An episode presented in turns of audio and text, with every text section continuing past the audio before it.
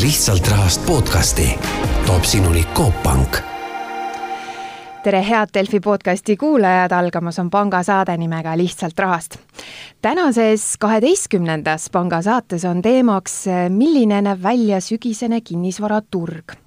ja koos minuga on seda teemat tulnud kaasa arutama Karin Ossipova, kes on Coop Panga erakliendi kinnisvara finantseerimise äriliini juht. tere, Karin, rõõm sind näha jälle! Tervist! ja veel on meil täna stuudios külaline, kelleks on äh, Mihkel Eliste ja Mihkel on Arko Vara kutseline kinnisvara hindaja ja analüütik. tere, Mihkel! tere! No kindlasti on, äh, ma usun, et kõik meie kuulajad ikka aeg-ajalt mõelnud, et äh, millal on õige aeg seda kinnisvara siis osta, millal on õige aeg seda müüa, kas mulle laenu üldse antakse ja nagu me teame, siis tänases olukorras on vist natukene see kinnisvaraturu olukord ka muutunud. no Karin, ma ikka alustan kohe sinust, kuna sina olid meie avasaates ka, lihtsalt rahast avasaates päris meie esimeses saates, eks ole, et ähm, kuidas kodulaenuturul praegu üldse läheb, et äh, kas inimesed üldse julgevad laenu võtta? inimesed julgevad küll laenu võtta, kui me oleksime selle saate teinud aprillis, siis oleks meil see tänane jutt tõenäoliselt olnud natuke teistsugune mm. -hmm.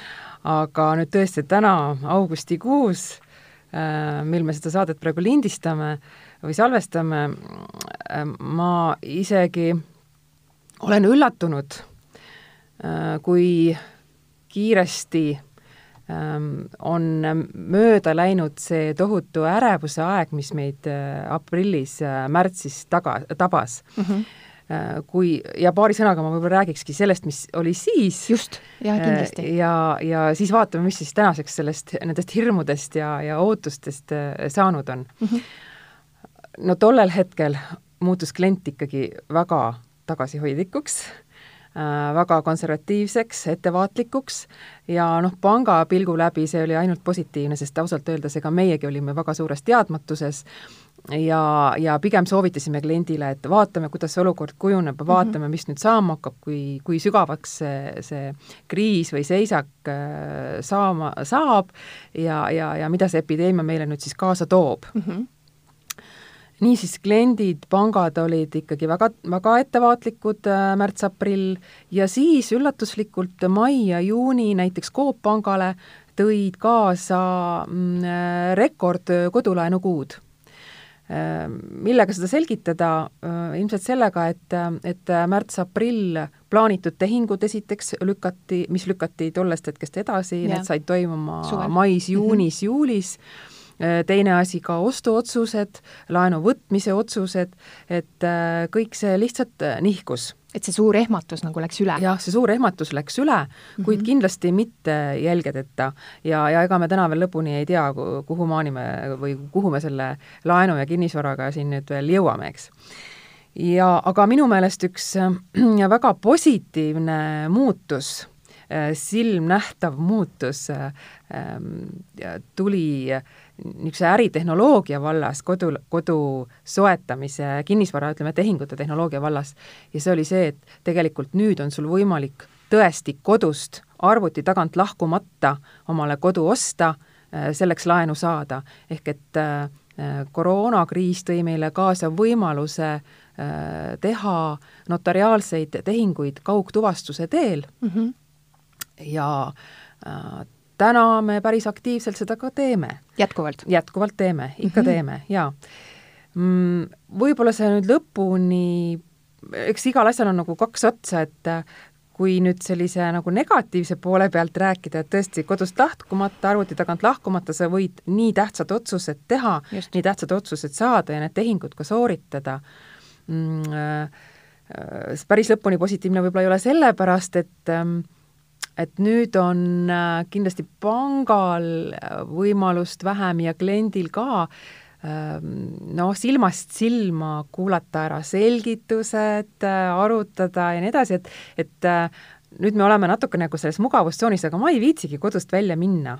ma ei viitsigi, ma ei taha öelda panga poolt, ma ei viitsi klienti kutsuda panka, aga see ei ole ka olnud ju vahepeal soovitav, eks ju mm, -hmm. ega ka praegu tegelikult et, et see silmast silma mm, kohtumine, üksteise nägemine, sealt mm -hmm. tekib usaldus või ka mitteusaldu-, mitteusaldus, äh, kõikide üksikasjade läbi selgitamine, seda ma arvan, on täna pisut vähem, kindlasti ei ole seda vähem notaritehingul, sest tegelikult nüüd need elektroonilised notaritehingud on ikkagi pikemaks venivad kindlasti kui füüsilised. ja ma mäletan ka seda esimest saadet just, et äh, seal oli ka sellest juttu, et ikka inimene tuleb meile panka ja siis vestleme ja vaatame, et kui usaldusväärne ta just, on, eks ju, kes seda just. laenu võtab. et ja. Äh, selline on siis äh, praeguseks hetkeks nagu tahapoole nihkunud, et jaa, jaa, kindlasti, et, et selline füüsiline kontakt on mm -hmm. ikkagi ikka kordade ees vähem, väiksem. aga kas pank äh, julgeb laenu anda ka praegu? muidugi julgeb mm. -hmm.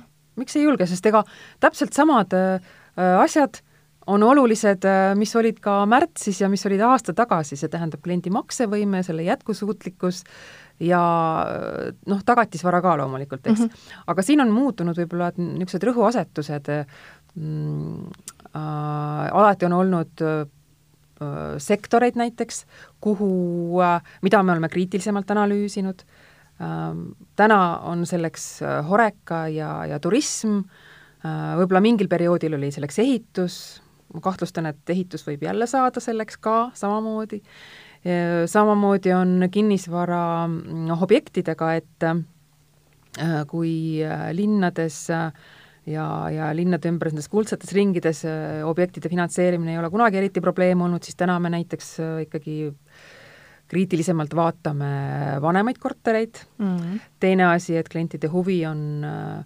huviorbiiti on kerkinud nüüd, ma ei tea, kas see on minu enda isiklik vaade või, või tunnetus, aga just nimelt suvilad kuhu siis privaatselt äh, seda koroonakriisi veetma minna. ja tegelikult see oligi ju kevadel hästi populaarne, et ja. inimesed hakkasidki otsima neid vanu maju, mida siis äh, üles ehitada, taastada ja siis võeti seal väike pisikene mingi laen juurde, eks ole.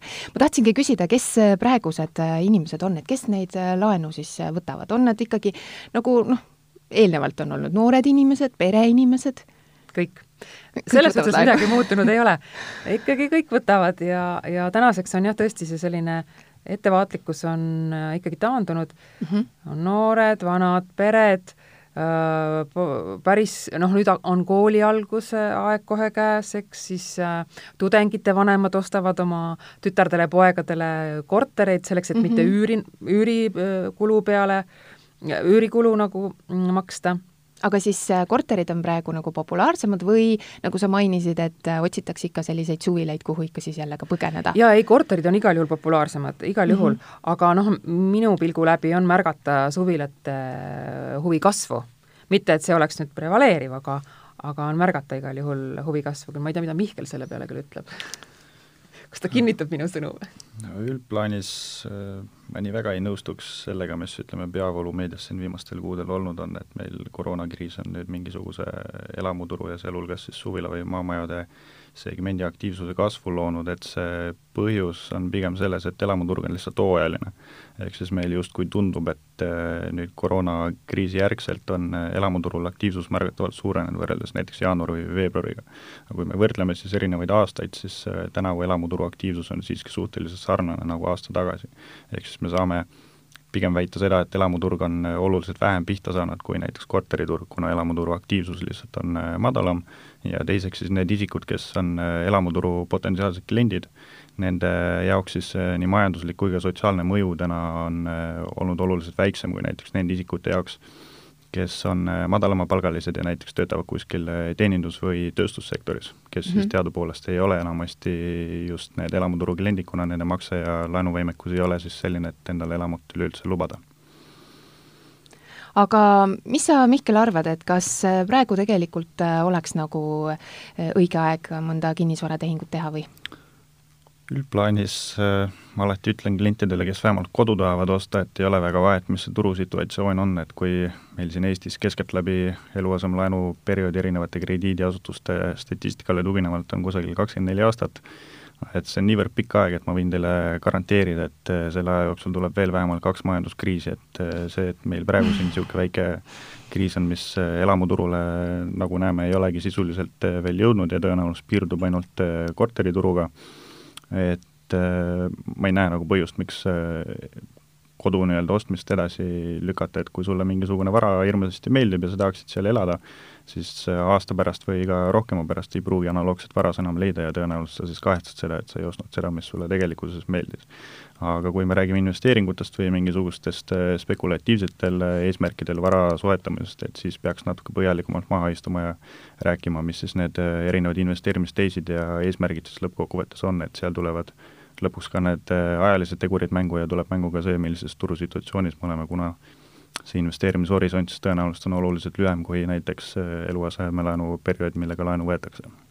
kas äh, mm, saad sa välja tuua ka mingid niisugused äh, erinevused, et näiteks eelmisel aastal augustikuus müüdi siis kõige rohkem ka kortereid ja, ja ma ei tea, praeguse aasta augustikuu või kas või võrrelda eelmise aasta suve ja, ja selle aasta suve, kui mm -hmm. inimesed võib-olla natukene olid ettevaatlikumad? et praegu üldplaanis viimastel kuudel me oleme olnud korteriturul ütleme kusagil kahekümne protsendi võrra madalamal tehingute arvu poolest. ja see on nüüd asunud äh, vähenema, Eestis tervikuna me aasta esimese seitsme kuu lõikes oleme siis kusagil kolmeteist protsendi võrra madalamal kui äh, aasta tagasi samal perioodil, et üldplaanis võib väita, et koroonakriisi mõju siiamaani on avaldunud ennekõike tüüppkorterite turul. Mm.. ja see tähendab siis Eesti mõistes seda, et nii turuaktiivsuse kui ka hinnataseme osas pihta on saanud siis ennekõike korterid, mis on ehitatud kuuekümnendatel ja siis ka kaheksakümnendatel aastatel. ja kui seal äh, nende vahel siis omakorda erisusi välja tuua, siis äh, kuuekümnendatel ehitatud korterid on kõige tugevamalt olnud äh, mõjutatud. Ja need siis näiteks Tallinna linna mõistes paiknevad ennekõike Mustamäel ja väga suurel hulgal ka siis Tallinna kesklinnas ja nende korterite osas siis äh, potentsiaal hinnalanguseks on olnud ka viimastel aastatel siis kõige tugevam, ehk siis me oleme kogu aeg olnud nii-öelda valmis, et kui turul mingisugused negatiivsed mõjud peaksid avalduma, siis see on just see segment, kus äh, hinnalangus tõenäoliselt kõige suuremaks äh, kujuneb. ja praegu ka on see nõnda olnud. Ja see tuleneb siis väga mitmetest teguritest. Ja sealjuures kõige olulisem tegur on see, et need kuuekümnendatel ehitatud korterid on sageli võrreldes analoogse näiteks siseviimistluse kvaliteediga teist tüüpi korteritega kõige odavamad ehk siis kui meil on valida näiteks, kas me ostame kahetoalise korteri, mis on kuuekümnendatel ehitatud või kaheksakümnendatel ehitatud või hoopis näiteks eelmise buumi ajal ehitatud, et siis need hinnaerinevused lähevad kogu aeg järjest suuremaks. ja kuna kuuekümnendatel ehitatud korterid on äh, kõige väiksemad, ehk siis ma toon näite, et näiteks kahetoaline kuuekümnendatel ehitatud korter enamasti on seal keskmiselt nelikümmend ruutmeetrit, aga kaheksakümnendatel ehitatud kahetoaline korter on siis sageli seal viiekümne ruutmeetri juurde, juurde või isegi natuke peale. aga kuna iga ruutmeeter tähendab siis mingisugust summat raha, ja eestlast, eestlastel siis äh, raha eriti olema ei kipu ja peab seda pangast juurde võtma, et siis sageli see lõpeb sellega, et nad otsustavad selle odavama korteri kasuks, et mis sest, et see on nii-öelda kehvema funktsionaalsusega ja väiksem, aga see siis siiski vastab nende ootustele. aga teisest küljest siis jällegi pank äh, vaatab, äh, eks ju, enda, enda seisukohast, et tegemist on, eks ju, vana korteriga ja võib-olla ei taha seda väga hästi rahastada jaa, täpselt nii on, et kui me vaatame erinevate pankade nii-öelda finantseerimisskeeme, siis need ehituslikult vanemad korterid samal ja sageli on siis äh, kõrgema näiteks omafinantseeringu määraga mm. -hmm. või siis tuuakse neid äh, maksimaalseid laenuperioode allapoole ja pakutakse nii-öelda soodsamaid laenutingimusi hoopis kaasaegsemate varade vastu, mis on siis täiesti tavapärane mm. -hmm. aga kui ma nüüd äh, ikkagi teen siin mingi tehingu, või mul on plaanis siis teha siin augusti-septembrikuus, et mm, kas ma peaksin midagi tähele ka panema, rohkem tähelepanu pöörama sellel tehinguprotsessi juures? ega otseselt ma ei saaks midagi sellist välja tuua, et kinnisvaraturg üldplaanis toimub täpselt samamoodi, nagu ta toimis enne koroonakriisi. et üks asi, mida me oleme praegu suvekuudel hakanud tähele panema ja mis viib meid siis jälle selle elamuturu juurde tagasi, et kuna väga paljud isikud, kellel on näiteks mingisugune puhkeotstarbeline vara kunagi soetatud ja seda sageli pangalaenuga näiteks eelmise buumi lõpus, väga kõrgelt hinnatasemelt, mis siis sageli tänases turusituatsioonis tähendab seda, et nad on omadega nii-öelda nullis selle soetushinnaga ja kui need isikud töötavad täna tööstus- või teenindussektoris, kus siis nende Töötukassa toetusmeetmete rakendamine on olnud suhteliselt laiapõhjaline, kui ka siis näiteks nende sissetuleku langus on juba aset leidnud, ja nad on siis sattunud mingisugusesse majanduslikku olukorda, kus nad tunnevad, et neil oleks vaja täiendavat kapitali, mingisuguste probleemide lahendamiseks, siis me oleme hakanud nägema seda, et sellised maamajad ja suvilad, mis on suhteliselt kehvas seisukorras, mida mm -hmm. nad mhm. siis ei jaksa ülal pidada, ja need on siis aastaid tõenäoliselt juba tühjalt seisnud, need siis on hakanud pakkumisse lisanduma.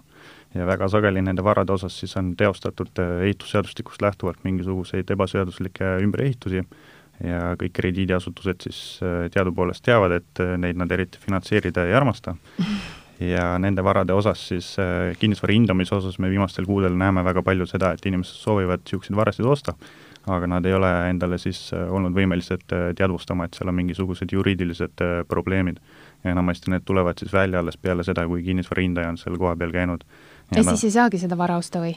Ütleme, kui nad ainult oma kapitali kasutavad, siis ikka saab, aga mm -hmm. väga paljudes pankades siis kas loobutakse üldse sellise vara finantseerimisest või siis pakutakse niisuguseid tingimusi neile, millega need laenuvõtjad sageli siis äh, ei taha nõus olla aga need, kes ütleme, täna kinnisvara ostavad, et äh, kui suur äh, umbes see omafinantseering on olnud ka?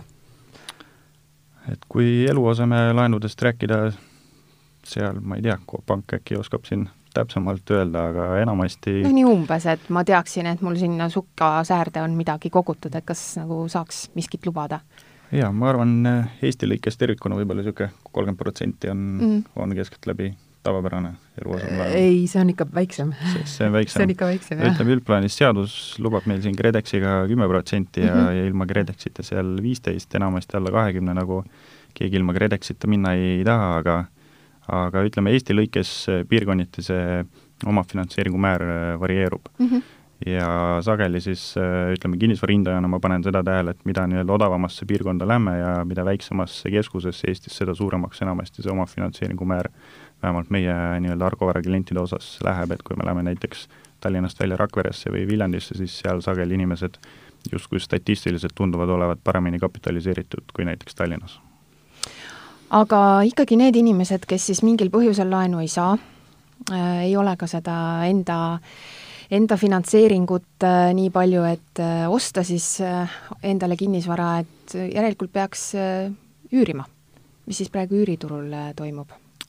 kuna üüriturg on kõige nii-öelda efektiivsem kõikidest kinnisvaraturu nii-öelda erinevatest sektoritest ja segmentidest, siis seal need koroonakriisi mõjud avaldusid kõige kiiremini. Ja märtsi lõpust me siis hakkasime nägema seda, et kuna lühiajalise majutuse nii-öelda üüriturg oli sisuliselt seiskunud, ja see sai tugineda siis ainult äh, siseturismile põhimõtteliselt, aga tol ajal ka siseturiste meil äh, ei olnud, et siis need äh, lühiajalise üürituru pakkumised hakkasid üle minema pikaajalisele üüriturule. et sealjuures, kui me vaatame, kuidas üüripakkumiste arv on viimastel kuudel muutunud, siis üüripakkumiste arv Tallinnas, Tartus näiteks siin alates kusagil juunist ei ole enam suurenenud, vaid me näeme hoopis langustrendi. ja iseenesest see on siis positiivne, et kuigi meil üüriturul on täna endiselt ülepakkumine, et see ei ole siis enam viimastel kuudel äh, võimendunud. aga kui me võrdleme näiteks tänast olukorda aastataguse perioodiga, siis Tallinnas meil näiteks on circa kaks korda rohkem üürikortereid pakkumisel kui kahe tuhande üheksateistkümnenda aasta samal ajal. ja see on siis viinud selleni, et äh, meil üürihinnad on allapoole tulnud ja kuna üüriturg on suhteliselt diferentseeritud, ehk siis neid erineva kvaliteedi ja erineva suurusega tooteid on turul üsna palju, siis äh, ütleme, selline keskmine hinnataseme langus võrreldes äh, siin jaanuari-veebruariga on jäänud kusagil kümne-viieteist protsendi vahele. Aga kui võtame näiteks erinevad piirkonnad, lähme Tallinna linnas näiteks vanalinna, mis siis suuresti üürituru osas, ennekõike siis lühiajalise üürituru osas keskendus äh, välisturistidele. Ja kuna meil praegu kruiisilaevu eriti ei sõida ja välisturiste ei ole, siis äh, vanalinna üüriturg on kõige tugevamalt nii-öelda pihta saanud, ehk siis seal on ka võimalik välja tuua nii-öelda üüritehinguid hiljutisest ajast või üürilepingute lõikes näiteks üürihinna ajutist alandamist, ütleme seal kusagil viiekümne protsendi võrra ehk siis mida nii-öelda eksklusiivsematest korteritest räägime, seda tugevamalt see surve hinnalanguseks on seal viimastel kuudel avaldunud. et samamoodi ka näiteks tänasel kuupäeval meil siin meediast tuli artikkel sellest, kuidas kõrgemahinnalised varad Tallinna linnas on suhteliselt äh, madala likviidsusega, et seesama probleem on siin aastaid olnud ka juba analoogsete korterite üürituru osas. Aga mis hinnaga ma saaksin üürida Tallinnas, ütleme, ühe-kahetoalise korteri, noh, näiteks mõni tudeng, eks ju, tuleb siia ülikooli nüüd õppima, et äh, mis need hinnad äh, umbes on? kui me räägime nii-öelda elatavatest korteritest, mis siis on sellises seisukorras, et seal ei peaks justkui mingisuguseid remonte lähitulevikus läbi viima, niisugused ühetoalised äh, nii-öelda normaalsed korterid, ma arvan elekter alga... sees ja saab pesta. jah, et eks need algavad seal ütleme, kolmesaja viiekümnest eurost, et saab ka odavamalt, aga need on siis juba sellised Akadeemia tee endised ühiselamud, kus äh, Need pisikesed seitseteist ruutmeetrit või jah, et kus mm, -hmm. kus suu nagu väga rõõmus ei ole, kui seal sees elada, aga eks ka need on kogu aeg täis, et need on need nii-öelda mikrokorterid, et mitte kaasaegsemad, vaid siis ehituslikult vanemad ja kahetoalised on seal kusagil sada eurot äh, kõrgemad, ehk siis neljasaja viiekümnest alates saab juba niisuguse suhteliselt elatava korteri Tallinna linnas. minul on ka küsimus Jaa. Mihklile no. Äh, ma olen ikka mõelnud, et äh, noh, me oleme palju aastaid näinud seda, kus üürihinnad mm, on kõrgemad kui analoogse korteri noh, niisugused keskmised laenumaksed. et mis sa arvad, kas ühel hetkel ähm, kui kaugel võiks see hetk olla, kus üürihinnad on madalamad kui laenumakse, kus on mõtet sul üürida, mitte võtta laenu korteri ostuks? Eks see on niisugune tänamatu ennustamine, aga eks kui meil ütleme, üüriinvesteeringute osakaal turul jätkab äh, kasvamist ja meil see ekspansiivne rahapoliitika jätkab püsimist, ehk siis see laialdane rahatrükk hoiab äh, intressid suhteliselt madalal ja kui nüüd peaks ennustama, et äh, ka Eestis teatud aja vältel siis need intressid hakkavad oluliselt allapoole tulema, kui nad näiteks praegu on, siis me tõenäoliselt näeme üsna kiiret üüriinvesteeringute kasvu. ja see võiks siis viia selleni, et meil üüriturul pakkumine kasvab kiiremini kui nõudlus ja mis toob siis kas üürihinnad veidi allapoole või siis hoiab üürihinnad teatud perioodi vältel stabiilsena, aga, aga kinnisvarahindade kasv samaaegselt jätkab kasvamist, ehk siis teisisõnu, üüritootlus tuleb äh, allapoole. ja samal ajal, kui meil siis ka eluasemelaenu tingimused lähevad selle aja vältel paremaks, siis me võime tõesti mingil hetkel jõuda sinna, kus äh, üürihinnad ja nii-öelda kodulaenumakse on analoogsed. et täna, kui me võtame näiteks Eesti üürituru, siis äh, miks väga paljud potentsiaalsed investorid ei soovi sinna siseneda, on see, et neil ei ole ligipääsu pikaajalisele ja odavale laenukapitalile. ehk siis äh, nad küll sooviksid neid investeeringuid teha, aga finantsmajanduslikult see ei ole lihtsalt otstarbekas. eks nad peavad igakuiselt kas sellele üürile peale maksma, et seda laenu tasuda, või siis nad jäävad omadega suhteliselt nulli, ehk siis see nii-öelda mõttekus seda investeeringut teha on suhteliselt olematu. ehk siis kui laenuperioodid pikemaks läheksid või siis laenugraafik näiteks pikemaks läheks ja intressid allapoole tuleksid, et siis see hakkaks nii-öelda tasuvaks muutuma. eks meil on siin näiteks äh, Urve Palo ajal äh, kunagi laialdaselt räägitud sellest, et Eestis äh, ka väiksemates piirkondades on mingisugune oluline turutõrge, ja riik peaks hakkama sinna sekkuma ja mingisuguseid üürielamuid rajama, et õnneks seda ei ole siiamaani laiapõhjaliselt äh, aset leidnud, aga seal siis täpselt samamoodi probleem ei ole mitte selles, et keegi sooviks Eesti väikestesse piirkondadesse üüriinvesteeringuid teha, vaid see probleem on pelgalt selles, et äh, see finantseerimismudel tuleks äh, kuidagi lahendada. ehk siis kui me suudaksime pakkuda näiteks Viljandi linnas pikaajalist odavat laenukapitali kohalikele investoritele, kes siis on võimelised rajama üürielamud, siis nad oleksid seda nõus tegema et riik ei peaks sinna üüriturule sekkuma, et erasektor saaks sellega suurepäraselt hakkama, aga kuna meil krediiditurul on selline olukord, nagu meil täna on, siis seda ei ole lihtsalt võimalik äh, lahendada. kallid Lihtsalt Rahast kuulajad, siit teeme saatesse väikese pausi, jääge meiega. lihtsalt Rahast podcasti toob sinuni Coop Pank no kevadel ähm, oli meil juttu ka sellest, et äh, pank on äh, laenamisel inimesele ikka partneriks Karin, julged sa nüüd öelda, et pank on ka täna täpselt samasugune partner, nii nagu oli ka kevadel? jaa, muidugi julgen öelda et see, et äh, pangad on natukene ette, ettevaatlikumaks läinud, see ju ei tähenda, et nüüd äh, partnerlus ei katke, et minu meelest partner on, hea partner ongi see, kes äh, vajadusel julgustab ja vajadusel tõmbab sind jalgupidi maa peale ka, et et klient, kes enamasti oma otsuseid, enamasti koduotsuseid emotsioonide ajel teeb, teda on ikkagi vaja mm, vahel tasakaalustada ratsionaalse selliste argumentide ja, ja faktidega nii et äh, ei no pank on igal juhul partneriks, igal juhul on aga millega siis need inimesed peaksid, ütleme, tänases olukorras arvestama, kui nad nüüd tulevad seda kodulaenu küsima pangast, on seal mingid muudatused ka? laias laastus ei ole tegelikult muudatusi. Mhm. no Mihkel siin juba rääkis, eks, et äh, mis on juhtunud nüüd nende äh, vanemate korteritega, kuuekümnendatest, kuuekümnendatel ehitatud korteritega kui nagu kinnisvara ähm, perspektiivis vaadata, et siis jah, mõningate objektide puhul on muutunud võib-olla see omafinantseeringu äh, nõue, aga samamoodi on see varasematel aegadel olnud, et mingisugustel perioodidel äh, mingid kinnisvarad tunduvad riskantsemad kui teised.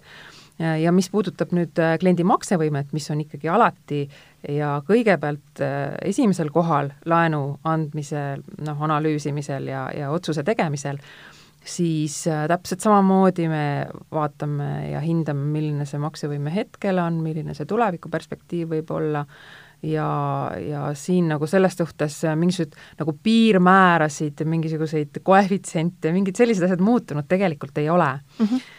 ja, ja on ka ja kui tõesti, siis on, on häda sellega, et omafinantseering, omafinantseeringu nõue on kõrgem näiteks ja, ja ei ole kliendil seda äh, omafinantseeringut nii palju, et äh, siis me saame alati ju abiks võtta KredExi, nii et, et niisugused äh, instrumendid või tööriistad või, või, või siis kas või maksegraafiku lahendused on erinevad, on olemas, olid nad enne ja on ka täna olemas, nii et et kui sa maksta jõuad, siis ikka laenu saab.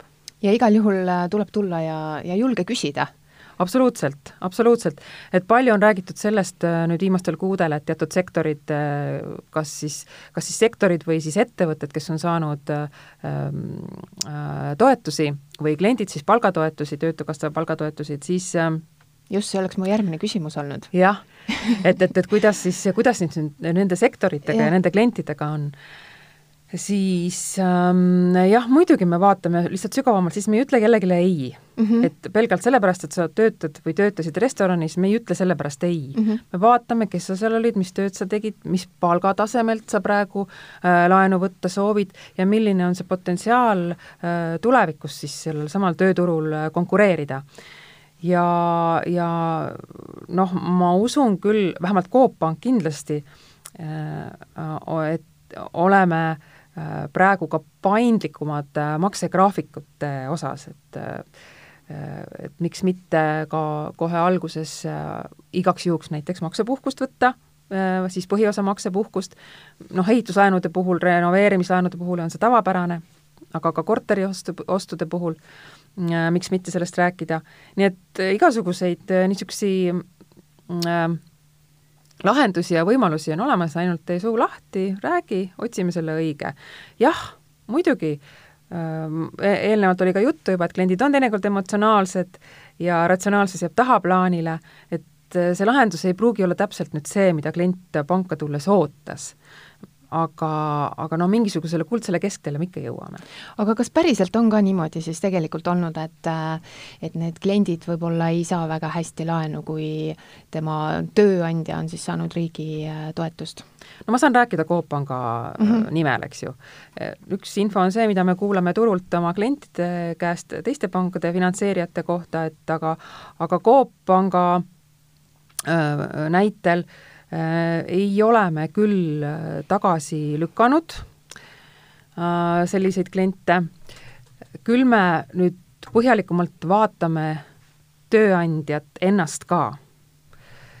Et aru saada, et mis põhjusel siis see toetus ikkagi saadi sest mõned tööandjad on ikka väga suured, tugevad, mainekad, kes on saanud. just, oleme näinud väga tugevaid äh, ja seetõttu, ja siis me teemegi tööandjale, kui vaja, teeme finantsanalüüsi ja läheme natuke süvitsi, et vaadata seda jätkusuutlikkust mm. -hmm. ja, ja noh, teine asi loomulikult siis ka kliendi enda seesama see palgatase, et noh, teinekord äh, laenumakse või ütleme, et see laen, mida soovitakse, ei ole nii suur, et nüüd ka see vähendatud äh, töötasuga see, selle maksmine ei oleks võimalik, et, et tegelikult ka vähendatud töötasuga on võimalik võtta laenu mm, -hmm. küll mitte nii suures summas, aga mhm. mingisuguses teistsuguses summas jälle, eks mm. -hmm. et, et kõik see, kõik on nagu suhteline.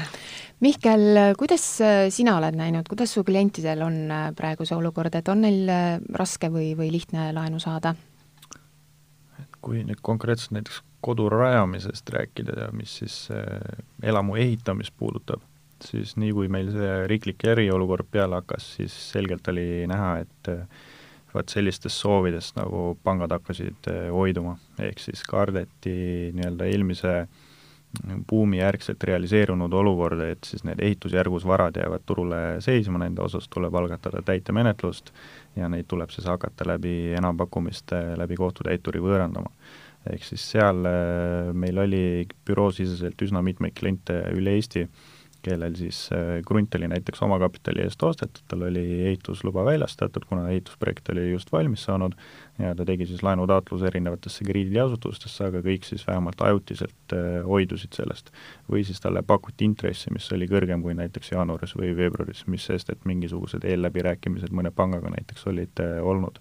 aga kui me räägime nüüd näiteks juunist või juulist või ka augustist juba, siis need probleemid hetkel tunduvad olevat nagu kadunud, ehk siis pankade hirm kui selline nende võimalike mm, kehvema kvaliteediga tagatiste osas on justkui leevenenud. aga kui me räägime nagu ülejäänud elamispindade segmentidest, et siis seal ma ei ole nagu mingisuguseid olulisi probleeme näinud, et kui see Töötukassa toetusmeetmete osa nagu välja jätta. et jah, kui isikud on olnud mingisuguste toetuste peal ja nende äh, sissetulekut on nüüd näiteks äh, vähendatud ja neil ei ole siis äh, kas töölepingus mingisugust kindlat indikatsiooni, millal see võiks siis taastuda sellele tasemele, kus ta enne oli, siis noh, selgelt äh, krediidiasutuse silmis seal on nagu risk, et mis selle isiku sissetulekust pikemas perspektiivis saab. et nii palju, kui ma klientidega siin suhtlen, kui ma äripindu hindan, et väga paljud toitlustusasutused on näiteks töölepingud üle viinud hoopis käsunduslepingutele ja ma soovitaksin eh, soojalt nendel eh, töötajatel, kes neid lepinguid allkirjastavad, enne omale selgeks teha, millised eh, nii-öelda kohustused ja võimalused nende lepingutega nii sellele tööandjale kui ka töövõtjale kaasnevad. ehk siis vähemalt toitlustussektorist on nagu selge indikatsioon praegu kinnisvaraturul, et nende hirm tuleviku ees on oluliselt suurem kui näiteks teistes sektorites olevate ettevõtjate puhul, ehk siis tehakse näiteks kolmekuulisi käsunduslepinguid sest nad kardavad, et tuleb näiteks uus riiklik eriolukord või siis pelgalt klientide kadumise tõttu tuleb äh, see ettevõtlus ajutiselt äh, peatada. ja väga paljud toitlustusasutused näiteks siis on äh, läbi teinud juba pankrotimenetluse või see on siis käimas ja kogu tegevus on siis viidud üle uude juriidilisse kehasse. ehk siis selline nii-öelda Estonian business käib väga paljudes sektorites praegu mm. -hmm. jah, julgen kinnitada aga need äh, praegused äh, olemasolevad äh, laenud, need paljud inimesed ju kevadel kasutasid seda võimalust, et nad võtsid endale selle maksepuhkuse. ja nüüd vast hakkab see protsess nagu tagasi tulema, kus hakkab see maksepuhkus läbi saama jah, kevadel äh, alguses olid niisugused tüüpilised maksepuhkuse perioodid kolm kuud, kolm-neli kuud, kuud, aga siis iga, õige peatselt tegelikult läksid need kuue kuu peale. Mm -hmm. ja, ja on ka üksikuid äh, aastaseid, äh, vist pikemaid isegi praegu ei ole ette tulnud, aga praegu hakkab nüüd et-, kätte jõudma tõesti see hetk, kus need kolmekuulised, neljakuulised hakkavad lõppema ja on mingis osas juba lõppenud. Ja, ja tegelikult äh, ei saa öelda, et suurem osa, aga mingi osa äh, nendest maksepuhkustest lähevad kindlasti pikendamistele ka. ja, ja läheb ka, või noh, see ei ole nüüd päris tendents, aga mida me oleme märganud, et kui seni oli äh, ainult siis põhiosa maksepuhkus mm -hmm. näiteks kolmeks kuuks tehtud mm -hmm. ja tõesti, sektor on siis turismiga seotud olnud just, just sellised äh, inimesed, et siis praegu juba hinnatakse, et ei, et mul on ikkagi vaja nüüd veel kuueks kuuks või, või lausa aastaks äh, täismaksepuhkust. on see panga jaoks okei okay.?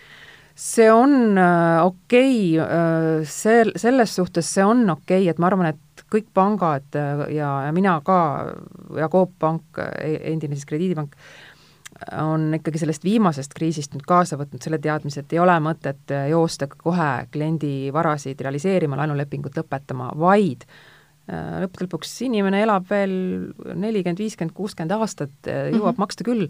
et me elame need paar aastat maksepuhkusega üle pigem kui uuesti äh, majandus taastub ja sektor taastub ja, ja maksevõime taastub, et et selles suhtes on tegelikult kõik pangad ikkagi üsna vastutulelikud praegu, et pigem leevendada maksegraafikut ja oodata, aidata inimene järje peale. kas ja need siis... Äh, inimesed on ka nii-öelda mingis riskigrupis nüüd, kes võtsid seda maksepuhkust või, või, või mitte? vot see on hea küsimus riskigrupis noh, pöörate rohkem tähelepanu neile? Kindlasti pöörame, me proaktiivselt võtame ühendust, uurime, kuidas on läinud, kas on vajadust pikendamisele, maksepuhkuse pikendamisele, kuidas, kuidas te hindate oma olukorda ja nii ja naa et on päris paljud tegelikult, kes on äh, isegi ennetähtaegselt oma maksepuhkustest välja tulnud ja, ja soovinud õpetada ennetähtaegselt äh, maksepuhkuseid. Osad on siis need, kes ütlevad jaa, okei okay,, et, et äh, nüüd on juba tööandjalt info olemas, palk taastub või on juba mhm. taastunud ja ma tahan maksta. et Eesti inimene on ikka selline, et võlg on võõra oma, et ta tegelikult tahab ikkagi valdavas enamuses tahetakse ikkagi sellest võlast kiiresti lahti saada ja, ja pigem nii ruttu kui võimalik ka laenu tagastama hakata nii et ähm, jah, õppetunni me oleme eelmisest kriisist äh, saanud ja pangad ka, et ma usun, et äh, me oleme küll praegu palju vastulolikumad inimestele. no enne, kui saade lõpeb, siis äh, esitan selle viimase küsimuse, kus teil tuleb siin ennustada, klaaskuulid vist kaasas ei ole aga milline meil see sügis ja talv siin tuleb kinnisvara ja laenuturul, mis arvate? eks see ongi niisugune keeruline aeg, kus me praegu oleme, et me võime küll täna mingisuguseid prognoose siin teha ja väita, et me siin aasta teises pooles üldplaanis Eesti lõikes maandume elamispindade turul kusagil aastast kaks tuhat kolmteist, mis siis oma iseloomult ei olnud sugugi halb aeg, et kui me kinnisvarateenuste ärist näiteks räägime, siis aastal kaks tuhat kolmteist oli võimalik suhteliselt edukat äri juba ajada, et olime nii-öelda eelmisest kriisist üle saanud ja turg oli liikumas ainult ülesmäge, et täna me oleme kusagil analoogses nii-öelda tehingute arvu poolest turusituatsioonis, kus aastas kaks tuhat kolmteist me olime aga mis seda koroonaviirust puudutab, et ma küll epidemioloog ega viroloog ei ole, aga kui me siin neid uudiseid loeme, siis mõni päev on seal kümme nakatunut, järgmine päev kakskümmend, et ei saa siin mitte kuidagi välistada, et võib-olla kahe nädala pärast on neid ühes päevas sada tekib mm. -hmm. et selles suhtes äh, nende prognooside tegemine tänasel hetkel on nagu suhteliselt niisugune mõttetu tegevus, et meil tegelikkuses ei ole mitte mingisugust selget visiooni, mis nagu edasi saama hakkab, et me võime küll eeldada, et see olukord ei lähe halvemaks, uut riik, uut riiklikku olukorda ei kehtestata ja siis Vabariigi Valitsus tõenäoliselt ei julge ka analoogseid majandusaktiivsust piiravaid meetmeid äh, järgnevatel kordadel rakendada, kuna see siis viib ainult selleni, et meil äh, riigivõlg jätkab äh, väga kiires tempos kasvamist, et eks paistab, mis saab, et üldplaanis nii palju, kui ma näiteks vabast ajast erinevaid meditsiinilisi teaduslikke artikleid olen lugenud, siis see haigus väidetavalt sessoonne ei ole, ehk siis see, et meil õues külmaks läheb või soojaks, väidetavalt juba ei oma siis selle viiruse levikule mingisugust mõju, et noh, ma tahaks loota, et see ka niisugune on, aga kas ka päriselt on, et eks siis seda siin lähikuudel näeb, et kui meil peaks hoopis tulema olukord, et tuleb äh, oktoobrist uus riiklik olukord ja kui see peaks siin aprillini kestma, siis kinnisvaraturust ei jää väga midagi järgi. et äh, saab ka selliseid väga, väga apokalüptilisi nii-öelda mõtteid mõelda, aga ma arvan, et sinnamaani me ei jõua, et kui me vaatame ka tänast kuupäeva, sinna on erinevate krediidi, krediidiasutuste poolt tulnud välja muudatustega tehtud majandusprognoosid, et need on kõik oluliselt optimistlikumad, kui nad siin äh, olid äh, aprillis või, või ka maikuus, et täpselt samamoodi Eesti Panga ja Rahandusministeeriumi prognoosid on olnud liialt pessimistlikud, sealhulgas ka tööturu osas, et võib-olla ootaksime siin ära, et kui paljud tööandjad äh, soovivad siis enda töötajaid koondama hakata, kui nüüd äh, kaks kuud Töötukassa toetusmeetmete rakendamisest nende jaoks läbi saab, et üldplaanis äh, mulle tundub, et äh, ei ole see koondamise soov neil niivõrd laialdane, kui me oleme siin kartnud. et selles osas, kui olukord jääb suhteliselt analoogseks, nagu ta praegu on, siis ma arvan, et selline suurem langus on läbi nii üürituru kui ka omandituru lõikes, et siit tõenäoliselt jätkub mingisugune stabiliseerumisperiood ja sealt võiks siis justkui hakata taaskordselt järgmine aasta ülespoole minema. Karin, milline sinu ennustus on? no Mihkel lõpetas niisuguse positiivse noodiga, ma siin vahepeal juba mõtlesin, et ma peaks ütlema lõpusõnaks, et et tahaksin nüüd õpetada positiivselt, et eh, elu on meil pikk ja, ja ühel päeval see kriis ju ikkagi läbi saab, varem või hiljem. Mm, ja, ja kui ka vahepeal siin nüüd raskemaks natuke läheb, ma siiski ennustan, ennustan, et maksevõime osas need raskused äh, on veel ees mingisugusel määral, siis äh, tule panka ja räägi laenuhalduriga ja see on ikkagi ajutine. see raskus on ikkagi ajutine ja saame sellest üle ja, ja läheme rõõmsalt edasi ja kui teil, kallid Lihtsalt Rahast podcasti kuulajad, on tekkinud pangandusega seoses küsimusi, siis kindlasti pöörduge Coop Panga spetsialistide poole, kes teid selles protsessis aitavad ja nõustavad tänane saade valmis koos Karin Ossipovaga, kes on Coop Panga erakliendi kinnisvara finantseerimise äriliini juht ja Mihkel Elistega, kes on Arkovara kutseline kinnisvarahindaja ja analüütik. ma tänan teid, Karin ja Mihkel, saatesse tulemast ja tegite ühe väga huvitava saate kindlasti soovitan kuulata ka tagantjärgi kõiki Lihtsalt Rahast podcaste, et olla kursis Coop Panga tegemistega. mina olen saatejuht Johanna Vainola, aitäh, et kuulasite ja uute kohtumisteni! lihtsalt rahast podcasti toob sinuni Coop Pank